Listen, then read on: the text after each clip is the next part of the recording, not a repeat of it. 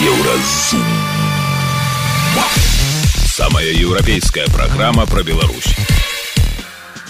Вітаю, гэта праграма Еўразум. І самыя важныя падзеі сэнсы тыдня і пятніцы 20 кастрычніка. Іпатэка пад два адсоткі. Гэта рэальна. Параўноўваем крэдыты Беларусіі ў Польшчы. Беларусі зараз жыллё ну 14 процентов есть 13 з паловай нейкі сёння гуглю 12 з паловай бачу ну так мінімум гэта мінімум у сярэднім было 14 14 адсоткаў а как бы Польша ўжо 7 адсоткаў зараз ужо зараз 7 калі ў Польшы зменіцца ўлада і чаго чакаць беларусі? Ты новыя твары на якіх разлічваў э, александр горыч хотя конечно ну саша ну что ты несешь якая канфедэрацыя так? Яны Мачыма ён думаў что канфедэрацыя будзе ва ўрадзе спісам і тады там будуць людзі якія нейкім чынам будуць з ім дамаўляцца. Ну ему прыйдзецца крыху пачакаць. Твиттер не сыходзіць з ЕС але яго лёс под пытаннем. Іх норавы Пра гэта больш падрабязна бліжэйшым часам. Еўразум. Беларусь у еўрапейскім фокусе. Пры пэўных умовах у Польшчы іпатэку можна ўзяць па два адсоткі. У Беларусі стаўкі па крэдытах на жыллё двузначныя. Ну як так? І хто ўвогуле у такім выпадку жыве ў сацыяльнай дзяржаве? Як кажа эканаміст Владимир Кавалкін, беларусы звычайна бяруць крэдыты на пакупку жылля ці іншай маёмасці, калі прадчуваюць хуткі абвалу рубля. Маўляў, купім кватэру, будзем плаціць 17соткаў за крэдыт, але потым рубель лясніца і крэдыт стане зусім танны. Аднак у заходніх краінах такіх метамарфозаў няма і людзі спакойна бяруць крэдыты ў любы час, асабліва не слухаючы сваю інтуіцыю. Палітык, блогер і прадпрымальнік Александр Кнырович э, зрабіў параўнанне крэдытных ставак у беларусі і ў польшчы з ім пагутарыў наш галаўрэд павел свердлоў. Дык хто ж жыве у сацыяльнай дзяржаве палякі пры крыважэрнай уладзе якую не скінули э, скінули да буды маравецкага да ці беларусы пры значыцца як это сказаць пры ўладзе лукашэнкі галоўчынкі да? Як, ну, так ну, ну, ну, гэта так опасно гаворыць бо можа не зразумець лукашенко что які тут галоўчынка тут ну да там прычапіўся галоўчынкі змяняются да, так, так. лукашенко застаецца. Пакуль что что якая якая там ситуация ну, не. Мы разумеем ведаце было вельмі цікава параўнаць. Па-першае кошты жылля у мінску і варшаве. Ну паколькі у розных гарадах і вёсках розная цена на жилье так мы как бы ну взяли просто наупрост э, да две столицы да? так, две столицы реалбай э, добрые э, ребята. Так и такі ж такі ж сайт у Польшы і дадзена это наступное. 1360 было на той момант кошт аднаго метра ў сярэднім у мінску і тут трэба заплюшваць вочы бо бо ў варшаве 3270 долларов за один метр. І гэта канешне для беларуса выглядае неяк як касмічны карабль купіць Ось. но калі мы пачынаем разгарнаць гэтую цукерачку далей то высвятляем что доход сям'і ну калі взять двух э, людзей якія працуюць гэта не вельмі так э, дакладна але калі іх взять отнять откинуть гэтыя падаткі то беларусі 1040 долларов зараз а у варшаве 2 270 не варшаве в Польше там что варшаве болей в мінска болей але ну, цалкам варша в Польше 2 270 і калі мы параўнаўем параўновым гэта уже у месяцах якія патрэбна працаваць то высвятляецца что беларусі гэта 86 месяцаў а у Польше 90 месяцаў. Амаль тое ж самое бок працаваць ну нічога не есть ну, так, зразумела ну, тэоретычна так, параўнанне да? конечно, конечно. і атрымліваецца што ў сярэднім беларусу ну, працаваць 86 месяц прыкладна столькі ж колькі і ў столькі сколько паляку. паляку на кватэру у варшаве так. А калі мы у паляка варшаве. Прабачце калі а калі лезть яшчэ далей глядзець у тыя самыя іпатэчныя крэдыты не ў ільготныя і не ў тыя двасоткі якія зараз з першага чэрвеня ў Польшы існуе. Потому что Польша как бы гэты папулізм таго самого прабачце а не ведаю як сказать тоталітарнага правительства дуды мазавецкага выліўся ў тое что для ўсіх палякаў два двасоткі под іпатэчны крэдыт калі ты набываешь першую кварты кватэру.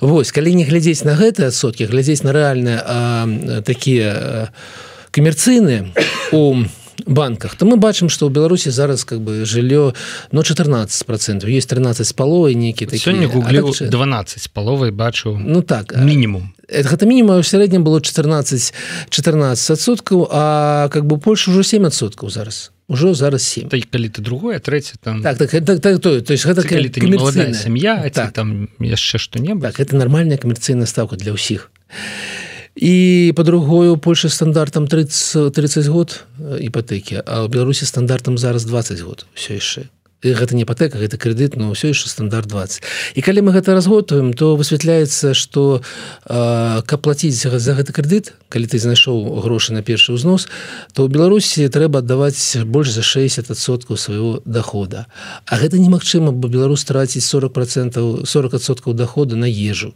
І гэта наогул немагчымы крэдыт. Ну, калі голымі хадзіць Ну так. Мы не, не есці. мы ідзем по гэтым шляху. Значит 86 месяцаў калі аддаваць 100 адсоткаў не браць ніякіх крэдытаў але так ну не можа быць да так. таму мы разумеем что беларус возьме нейкі крэдыт mm -hmm. Вось і далее атрымліваецца что пры тых умовах да і не ў кожнага у кішэні валяецца як бы столькі долараў там не ведаю рублёў еўра каб набыць кватэру да? значится ён возьме крэдыт і пры тых умовах іпатэкі якія ёсць сёння ў беларусі калі ласка аддавай телам гэтага крэдыта і процентамі 60соткаў больш за 60 больш за 60 да. Ну і пры тым что да 40соткаў на вось першасныя патрэбы вось гэтыя ў ежы ежа менавіта ў ежы А у Польше гэта становішча выглядае так 39-38соткаў на іпатэку і 20 процентаў на ежу то бок калі звычайны паляк пойдзе возьме возьме гэты іпатэчны крэдит звычайны паляк і будзе плаціць то яго ж яшчэ будзе заставацца 40соткаў на іншыя патрэбы акрамя ежы абуцца зможа так, так, так астатні можа яшчэ паедзе кудысьці паехаць Таму асноўны вынік з гэтага даследавання ў тым што звычайнаму паляку іпатэка даступна Мачыма і ён можа себе гэта дазволіць а звычайны беларус не мае ніякай магчымасці з гэтым працаваць нягледзячы на тое што кошт кватэры в варшаве то два з паўны разы больш чым кошт кватэры у мінску Працягваем размову з Александром Кныровичам. Ну наши то суайчыннікі, конечно, выкручваюцца і мы ўсе ведаем як бацькі, знаёмыя, як бы вось на гэты цяжкі перыяд плацяжоў бярэцца нейкая падтрымка, бярэцца нейкая крыху большая сума кап ну за кошт ізноў жа тых тых пазыкаў, якія можна аддаваць без гэтых драконаўскіх працэнтаў А яшчэ вось мне здаецца важная рэч у тым что тут гэта іпатэка там гэта крэдыт. Тут розніца паміж іпатэкай і крэдытам яна якая? Можа быть не буду Александр загружаць гэтым пытанням розніца галоўная ў тым што іпатэку можна прадаць. Ну то бок ты вот заходзіш у Польшу будаўніцтва жылля не вось за гэтыя двасоткі да? Вот двасоткі гэта ўжо тое что як бы льготная так есть да? абмежаванне Вось ты я так просто не продаж трэба будзе да тых 7соткаў про якія вы сказали доплаціць розніцу за той перыяд які вось ты сам плаціў два. Калі ты хочешь продать кому-нибудь. Але калі ты заходишь у звычайную іпатэку с семью адсотками выплачваешь палову а потом ты сталі ты вырашаешь что Беларусь уже стала настолькі дэмакратычнай краіны что час туды вяртацца кватэра у Польше табе ўжо ў прынцыпе не будзе патрэбна думаешь ты. І что ты робіш ты нічога не губляешь просто ідзеш на вось гэты рынок mm -hmm. дзе прадаюцца іпатэчныя крэдыты і з радасцю у цябе людзі якім не трэба будзе выплачваць значыцца вот доўга там 20 гадоў да ты ўжо ж выплачваў там мона кажучы. Я тут не буду рабіць прагнозы колькі да колькі ты выплачваў до того как не зразумеў что Беларусь трэба уже вяртацца. да можна. Вось але яны вось забіраюць у цябе гэтую долю твою вяртаюць табе грошы за яе і працягваюць плаціць твою іпатэку за тую кватэру. Канешне атрываеш ад сэрца тое что ты выбраў там у чым удзельнічаў Вось так. А что з крэдытам Я вот не ведаю ці ну, можна прадаць крэдыт у Беларусі калі вы шаноўныя слухачы гледачы ведаеце да вось плаціў плаціў і перадумаў А вот ну не ведаю. Выйшаў на пратэсты ў двадцатым годзе і цяпер жывеш у іншай краіне і падумваеш што ж табе рабіць з гэтай іпатэкай з гэтым крэдытам на жыллё працягваць выплачваць каб калі-небудзь былі былі былі схемы але гэта было так вельмі ведаеце складана. То есть трэба было гэта не так но не так просто як Польшы. Ёсць рынок і гэта звычайная звычайная умова звычайны такі договор не у беларусі кожны раз гэта была асобная э, гісторыя трэба было дамаўляцца з банкам аб тым што мы выставляем на продаж гэтую кватэру але банк дае э, дазвол э, у тым у тым выпадку калі ён першы атрымлівае гэты грошы а тебе застаецца нейкі астатак і так далей. Ёсць шлях але кожны раз гэта было такія с вельмі такімі кожны раз асобны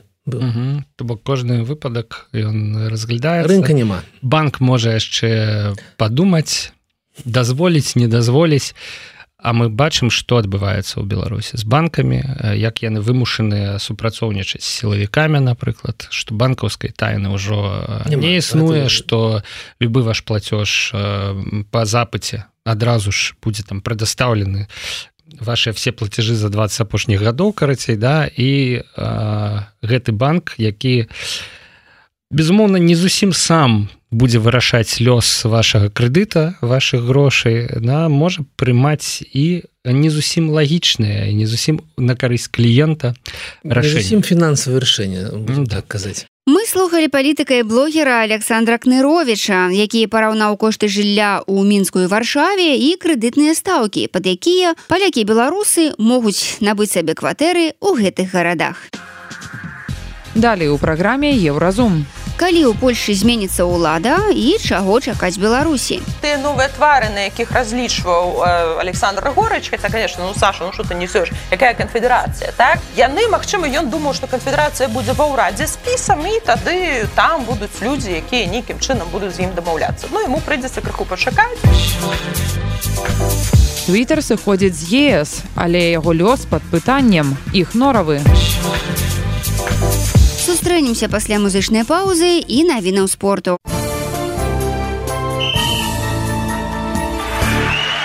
На еўрарадыё навіны спорту. У чэмпіянаце НХл калгары абыграў бафала 4-3 у пераможцаў асістам адзначыўся беларускі нападаючы ягор шарангович. Хакеісты мінскага дынама ў чэмпіянаце КХл у хатнім матчы прайгралі па булітах кунь-луню 3-4. Дынамаўцы займаюць 9 месца ў заходняй канферэнцыі. Беларускія гандбалісты вызначыліся ў чарговых матчах гандбольнай лігі чэмпіёнаў. Артём каралёк закінуў тры мячы польскі кельцы, за які ён выступае згуляў унічыю з венгерскім пікам. Пяць мячоў закінуў мікіта вайлупа, у які гуляе за венгерскі веспрым. Яго каманда перамагла віслу з полацка, за якую выступае беларускі рыл самойлаў. Ён вызначыўся ў матчы двойчы гэта яго першыя галы ў лізе чэмпіёнаў. У баскетбалістаў мінска ўжо чацвёртае паражэнне ў адзінай лізе втб. На сваёй пляцоўцы яны саступілі самары 78 91 у лізе беларускі клуб адзіны які не мае перамог ён займае апошняе 14 месца слонімскую футбольную каманду якая выступае ў першай лізе беларускага чэмпіянату аштрафавалі на 555 рублёў. Такое рашэнне федэрацыя прыняла па выніках прайгранай гульні з нівай. Слонім прызналі вінаватым у нявартых паводзінах. Гэта былі навіны спорту на еўрарадыё. Заставайцеся з намі. Еўразум. Жыві ў рытме Еўропы. Увесь апошні тыдзень Польша жыве ў прадчуванні змены ўлады. Вынікі парламенцкіх выбараў не прынеслі нічога добрага партыі законы справядлівасць, якая кіравала гэтай краінай 8 гадоў. Бо палякі гэтым разам прагаласавалі за апазіцыю. У чацвёрку лідараў увайшлі цэнтрыская грамадзянская кааліцыя, кансерватыўныя цэнтрысты трэці шлях, партыя левых новая левіца і ультраправая канфедэрацыя. Прэзідэнт краіны Анджей Дуда бліжэйшым часам мае правесці кансультацыі з лідарамі гэтых партый. Пасля ён скліча новых дэпутатаў на першае паседжанне і прапануе некаму з іх сфармаваць урад. Мяркуецца, што першымі прапанову атрымаюць акурат законы справядлівасць. У Польшы гэтая партыя называецца право і справядлівасць альбо скарочана піс. Так бо яны набралі на выбарах больш за ўсё галасоў 35соткаў. Аднак гэтая партыя не можа самастойна сфармаваць урад, бо для гэтага піс мусіў набраць больш за 50соткаў галасоў. Ці, напрыклад, скалабаравацца з іншай партыяй, галасы якой дапамаглі б яму і найдалей заставацца пры ўладзе. Аднак прапанову дуды не падтрымае апазіцыя, якая цяпер займае ў сейме большасць фатэляў. Таму хутчэй за ўсё сейм сам будзе вырашаць, каму сфармаваць урад. І ёсць вялікая верагоднасць, што новым прэм'ерам Польшчы стане Дональд Туск, які ўжо займаў гэтую пасаду цягам сямі гадоў да 2014 года. Ці так гэта? Пра выбары ў Польшчы на youtube канале Саша што ты несёш паразважала журналістка міжнародніца Марыя садоўская комлач слухай ну вот польская сістэма наколькі разумею она больш падобная на амерыканскую амаль усе парты больш правыя ну калі магчыма выкарыстоўваць зараз такія паняцці ты лічыш что магчыма гэтая кааліцыя і яна будзе працаваць левіца наколькі новая левіца новая так. левіца грамадзянская кааліцыя і трэці шлях што яны змогуць знайсці паразуменне і змогуць разам працаваць. Наколькі гэта магчыма? Я ну, першая пару год я думаю Мачыма ну чаму тут? Ну, это, гэта матч што адзіная левая партыя якая ёсць у сем'і у нас жарцік так і быў што насамрэч найбуйнейшай левай партыі з пункту гледжання сацыяльнага пакета якая была была у сем'ях это быў піс mm. Таму что ты 13 там эмературу якую ну пенсію ён вёў гэтае значыць спасобе 500 плюс то 500 злотых на кожнага непаўналетняга дзіцёнка якое піс абяцаў пераўтварыць 800 плюс. Гэта ўсе іншыя там тое что недавно раздавалі дзяржаўныя лаптопы для чатырохкласнікаў так? Mm -hmm. гэта ўсё по-моему такая дастаткова повестка якую левіца ўзяла б і з радасцю реалізоўвала так? Нават тое чтобы уведзены Э, забарона гандлю па нядзелях гэта не касцёл лабіраваў гэта лабіравалі прафсаюзы то бок правы працаўнікоў Таму можна сказаць так што вось да тыя 18 год што левіца не была ва ўрадзе яе павестку вельмі добра з'еў піс І зараз у левіцы ёсць магчымасць, бо там з'явіліся таксама крыхуновыя твары, такія як Адам Зандберг, дастаткова малады палітык, больш жаночага лідарства, паказаць, што яна можа быць сучаснай левай партыі, якая вельмі шмат у чым будзе супадаць тады па каштоўнасцях з грамадзянскай платформай. Так то бок гэта правы жанчын, гэта магчыма большая павага да правоў розных там меншасцяў, так гэта там сацыялка в прынцыпе зараз пасля таго, як піс усіх заваліў гэтымі дармо дадатковымі грошамі по-мойму ніхто не рызыкнуў сказаць што ён закрыўся гэтая сацыяльная праграма было б цікава ну, так калі гэта і будзе адбывацца то не хутка. Так то бок пенсійны ўзрост. Таксама усе зразумелі што піс усіх спакушаў тым што моцны пенсійны ўзрост расці не будзе. То бок у левіцы няма зашмат пытанняў. Грамадзянская коаліцыя не хоча вводзіць рэлігію ў школу так там гвалтам. Яна не хоча там змяняць падручнікі у якіх іх там будзе скажем так гендер выкрэслівацца то бок мне здаецца что якраз таки каштоўнасна і в прынцыпе по тым что яны могуць прапанаваць грамадзянам тут левіца абсолютно нормально упісваецца цяперашняя сучасная у астатнюю коаліцыю вось что будзе рабіць польская сялянская партыя і что будзе рабіць э, рух польша 2050 чым на галоўні які канешне ж у будучым хоча быць прэзідэнтам альбо прэм'ерам польшчы uh -huh. это яго просто наступны крок гэта такі больш цікавы выпадак тому что так галоўня ён нібы і кансерватор нібы прагрэсіўны і ён дарэчы абяцаў першай справай заняться правамі мігрантаў на беларускай мяжы Таму Мачыма вось на каго яшчэ лукашенко разлічваў ён же там гагу падаваў ці куды там на парушэнне іх правоў Мачыма ён будзе крыху разыгрываць карту шыму на галоўні паказваючы што вось нарэшце знайшоўся чалавек які пацвярджае ўсё што мы казалі раней пра гэты вось там геноцид і так далей так далей. Ну, як ты ліш зменіцца эканамічная палітыка ці не?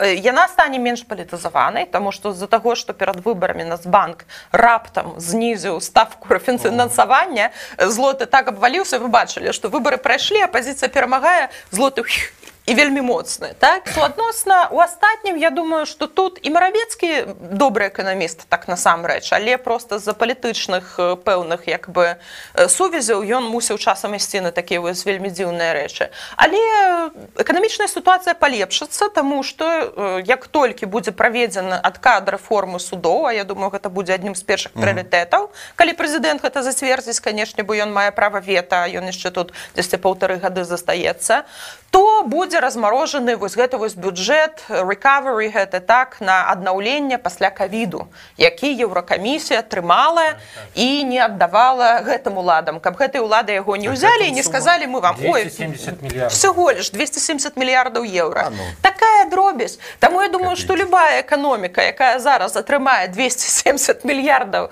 еўра яна будзе пачувацца лепей суадносна будуць у сувязі з гэтым прымацца нейкія там эканамічныя там меры якія будуць стымуляваць далейшае развіццё Працягваем слухаць размову з журналісцкай міжнародніцай Марыяй садоўскай комлач. Гаворым пра змену ўлады ў Польшы і перспектывы гэтых перамен для Беларусі усе тыя хто атрымалі другое трэцяе четвертое месца яны ўсе вельмі пра беларускія яны ўсе вельмі за беларускую апазіцыю за дэмакратыю за скажем так за падтрымку дэмакратычнага руху. І ў гэтым плане больш ніякіх перамен не будзе. Слухай, ну ты бачыла тое што казаў лукашенко што ён чакаў змену ўлады ў польльше што ён чакаў новых людзей з якімі можна дамаўляцца. А тут оп і стары туск. Ён будзе з ім рабіць? я разумею но, але калі я не блытаю гэта сікорскі прыязджаў да лукашэнкі і дамаўляцца з ім прыязджаў але зараз ужо не прыедзе сікорскі наўрад ці вернецца на палітычную арэну не, ну, гэта самая может у мінску лукашенко чакае што новыя людзі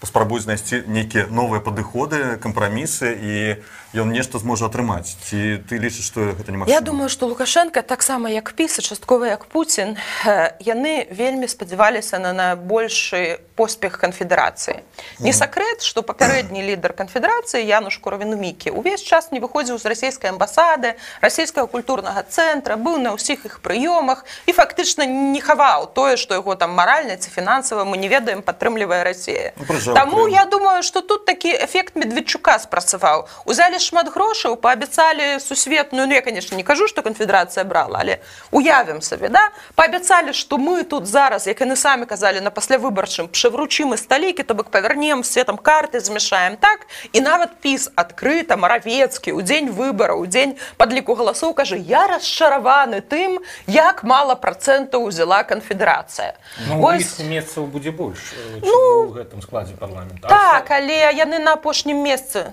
і дарэчы мікі про праляцеў такі і мікі праляцеў але э, гаворка про тое что можа тыя новыя твары на якіх разлічваў э, александр горыч хотя конечно ну саша ну что ты несешь? Якая канфедэрацыя так? Яны Мачыма ён думаў что канфедэрацыя будзе ва ўрадзе спісам і тады там будуць людзі якія нейкім чынам будуць з ім дамаўляцца. Ну ему прыйдзецца крыху пачакаць і вось зараз вельмі цікава дарэчы вы ж бачылі белта адчыніла польскую версію так? Ну, там... зрабілі рады ну рады на польскай мове было даўно але ну пайшло ў youtube. Мы не будзем тут лінк даваць але калі каго цікавіць паглядзіце там людзі па-польску гаворыць ось цікава што яны будуць рабіць гэтым усім польскім эфірам.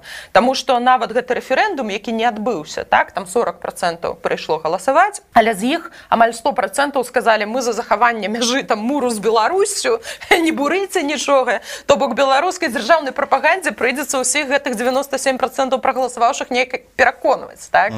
Вось гэта конечно будзе ім не лёг слухай ну яшчэ пра пра Беларусь і про лукашенко шмат шмат казалі про тое что калі лукашенко адчуе магчымасць нейкай кампрамісу з польскай улады то ён першым крокам зробіць тое что адпусціць Анджея пачобута. Наколькі ты лічыш гэта магчыма зараз і наколькі гэта спрацуе? Як польскае грамадства ўспрыме гэты крок? Ну скажем польскае грамадства не вельмі моцна неяк рэагавала на тое што там анжаліку борас адпусцілі там аднаго арышту пад хатні і так далей. То бок канешне хутчэй на палітычным узроўні гэта будзе прынята але з таго што я чула ад калегаў зараз і не на польскага паходжання журналістаў адбываецца ціск напісаць прашэнне памілавання і што некаторыя журналісты з гэтым не згаджаюцца і памяшчаюцца ў больш суворыя умовы ўтрымання каб іх все-таки да гэтага змусіць.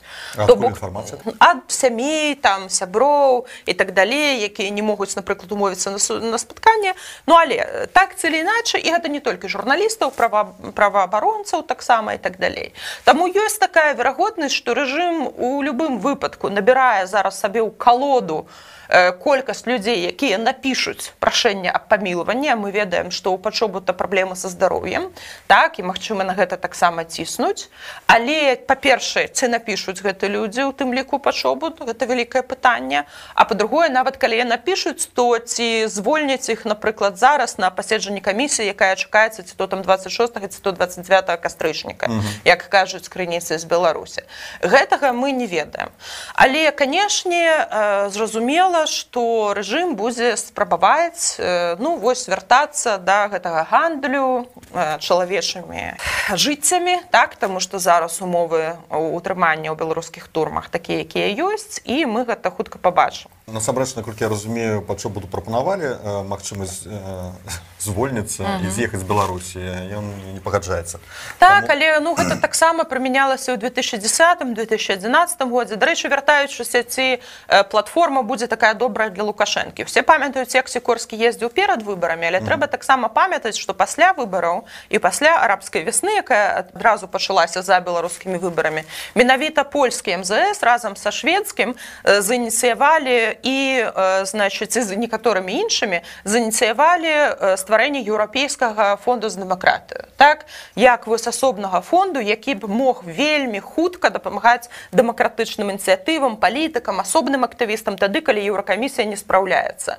І менавіта польскі былы мініс намеснік міністра замежных справаў паміноўскі ён дагэтуль з'яўляецца дырэктарам гэтага фонду. Ён канешне беспартыйны але быў міністрам падчас грамадзянскай платформы Таму я думаю што платформа нават калі яна мела нейкія ілюзіі пра там натуру беларускага ці расійскага рэжыму пасля 10 11 на выпадку рассіі і 13 14 года у гэтых ілюзіяў вельмі хутка пазбавіла Гэта была журналістка міжнародніца Марыя садоўская комладж youtube каналу Саша что ты несёш яна распавяла пра расклад на парламенцкіх выбарах у Польшчы і патлумачыла чаму лукашэнку не варта нічога чакаць ад змены ўлады ў гэтай краіне Далей у праграме еўразум Twitter не сыходзіць з ЕС, але лёс яго пад пытаннем іх норавы. Сустрэнемся пасля музычнай паўзы і навінаў шоу-бізу.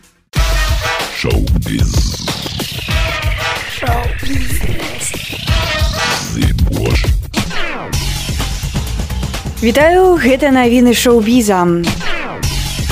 Улады Беларусі легалізавалі піратства. У той час, як цывілізаваны свет абараняе аўтарскія правы, у нас на заканадаўчым узроўні дазваляюць паказваць у кіно і на тэлебачанні пірацкія копіі фільмаў з несяброўскіх краін. Гэта прапісана ў пастанове ўрада. Еўрапейскія амерыканскія канадскія кінакампаніі не прадаюць Беларусі ліцэнзію на пракат прэм'ер праз санкцыі. Гільдыя кінаакцёраў ЗША выпусціла некалькі строгіх распараджэнняў наконт касцюмаў на хэллоуін для членаў прафсаюза. У прыватнасці акцёрам забаронена пераапранацца ў папулярных персанажаў з блокбастараў апошніх гадоў, а затым размяшчаць выявы ў сацыяльных сетках. Гэта азначае, што некаторыя з самых папулярных касцюмаў на хэллоуін сёлета такія як барбі або Уэнсдэй забаронены удзельнікам гільдыі. Замест гэтага рэкамендавана выбіраць касцюмы, натхнёныя абагульненымі персанажамі і выявы выявамі напрыклад прывідамі зомбі павукамі і гэтак далей. Галівудскія акцёры могуць выкарыстоўваць персонажаў з контенту не ўключанага ў так званы страйкавы контент напрыклад з анімацыйных тэлешоу а Знакаміты брытанскі рэжысёр Крыстафер Нолан упэўнены, што галівудскія студыі упусцілі важны для іх шанец, не звярнуўшы ўвагу на канцэртны фільм Тейлор Свифт The Эрас Тур, паколькі каманда спявачкі распаўсюджвала яго непасрэдна праз сетку кінатэатраў AM7. Падчас нядаўняй дыскусіі на мерапрыемстве ва ўніверсітэце Нью-йорка рэжысёра Пынгеймера адзначыў, як поп-зорка выйшла студыі і наўпрост аб'ядналася з кінатэатрамі, каб вывесці свой фільм на вялікі экран. Тейлор Свифт дала добры урок голливуду таму что фільм аб яе туры распаўсюджваецца не студыямі а уладальнікамі кінотэатраў AMC гэта прынясе ім велізарную суму грошай або гэта важны фармат гэта спосаб зірнуць на рэчы і падзяліцца гісторыямі ці досведам які неверагодна каштоўны. І калі яны гэтага не жадаюць гэта зробіць хто-небудзь іншае так что гэта чысты пралік. Мяркуе Крыстафер Нолан. Гэта былі навіны шоу-бізу. Заставайцеся на хвалях еўрарадыё пакуль еўрарадыё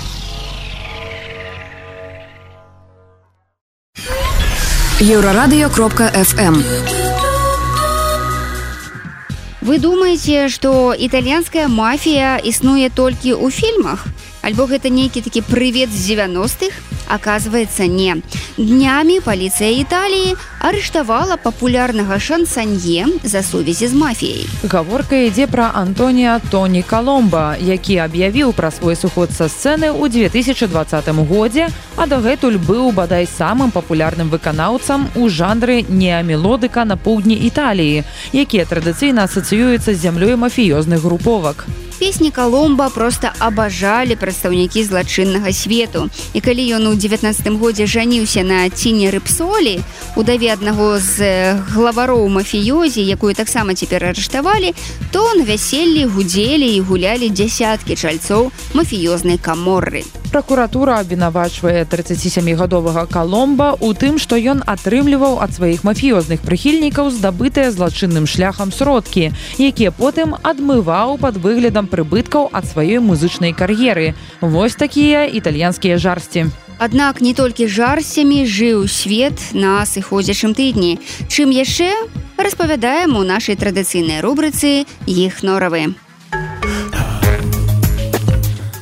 Еўракамісія пачала расследаванне супраць платформаў Facebook, Instagram, TikTok і X былы Twitter праз магчымае парушэнне імя закона еўрапейскага саюза аб мадэрацыі контенту у сувязі з вайной Ізраіля супраць Хамас. У чацвер еўракамісія накіравала афіцыйныя запыты ў TikTok і карпорацыю мэта, якая валодае соцсеткамі Facebook і Instagram, патрабуючы тлумачэнняў адносна таго, якія якія захады яны зрабілі для супрацьдзеяння незаконнаму контенту і дезінфармацыі на сваіх платформах. Ім далі часу на адказ до 25 кастрычніка. X у мінулым вядомы як twitter атрымаў такі ж запад крыху раней. І для яго тэрмін для адказу скончыўся 18 кастрычніка. Ці падала платформа адказ на запад еўракамісіі не паведамляецца. Тым часам уладальнік икса Ілон маск абвергнуў інфармацыю выдання за бізнес інсайдер аб нібыта адыходзе сацыяльнай сеткі з Еўропы. Абсалютная хлусня напісаў маск на сваёй старонцы. Мільярдэр адрагаваў на паведамленне за бізнес інсайдер паводле якога маск нібыта разглядаў магчымасць блакіроўкі сервісу для карыстальнікаў уес праз патрабаванне еўросаюза штучком для гэтага нібыта паслужыла незадаволенасць тэхналагічнага мільярдэра лічбавым законам DSA гэта закон абавязвае найбуйнейшыя інтэрнэт-платформы апроч іншага паслядоўна і аператыўна працідзейнічаць распальванню ненавісці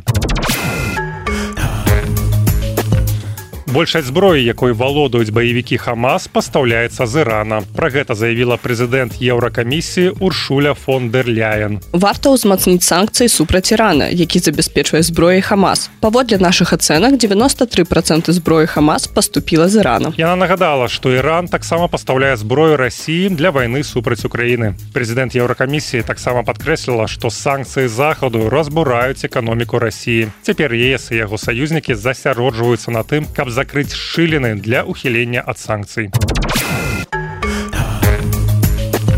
Велізарная калекцыя твораў мастацтва памерлага экс-прэм'ера італія сільвія берлусконі складаецца ў асноўным з работ нізкай якасці якія не маюць ніякай каштоўнасці. Про гэта заявіў адзін з вядучых італьянскіх мастацтвазнаўцаў віторыя з гарбі паводле яго слоў з 25 тысяч карцін мастацкую каштоўнасць маюць толькі 6 і 7 работ. Уся калекцыя ацэньваецца прыкладна ў 20 мільёнаў еўра. Самыя дарагія творы арыгінальнай працы тыцыяна і рэмбранта лондон брытанскі арт-дыллер чазары лампронці які падтрымліваў цесныя адносіны з берлусконі на працягу 30 гадоў расказаў што мільярдэр быў імпульсіўным пакупніком. Ён любіў купляць жаночыя партрэты якія дарыў сябрам. Калі ён быў маладзейшы то купляў у галерэях у дылераў але пазней пачаў набываць карціны на тэлеаукцыёнах паводле звестак смім утрымання склада дзе захоўваюцца творы мастацтва абыходзіцца прыкладна ў 800 тысяч еўра ў год. Драўняныя чарвякі ўжо знішчылі час частку калекцыі у некаторых выпадках выдаткі на знішчэнне шкоднікаў перавышалі кошт саміх карцін мехаселін іх норавы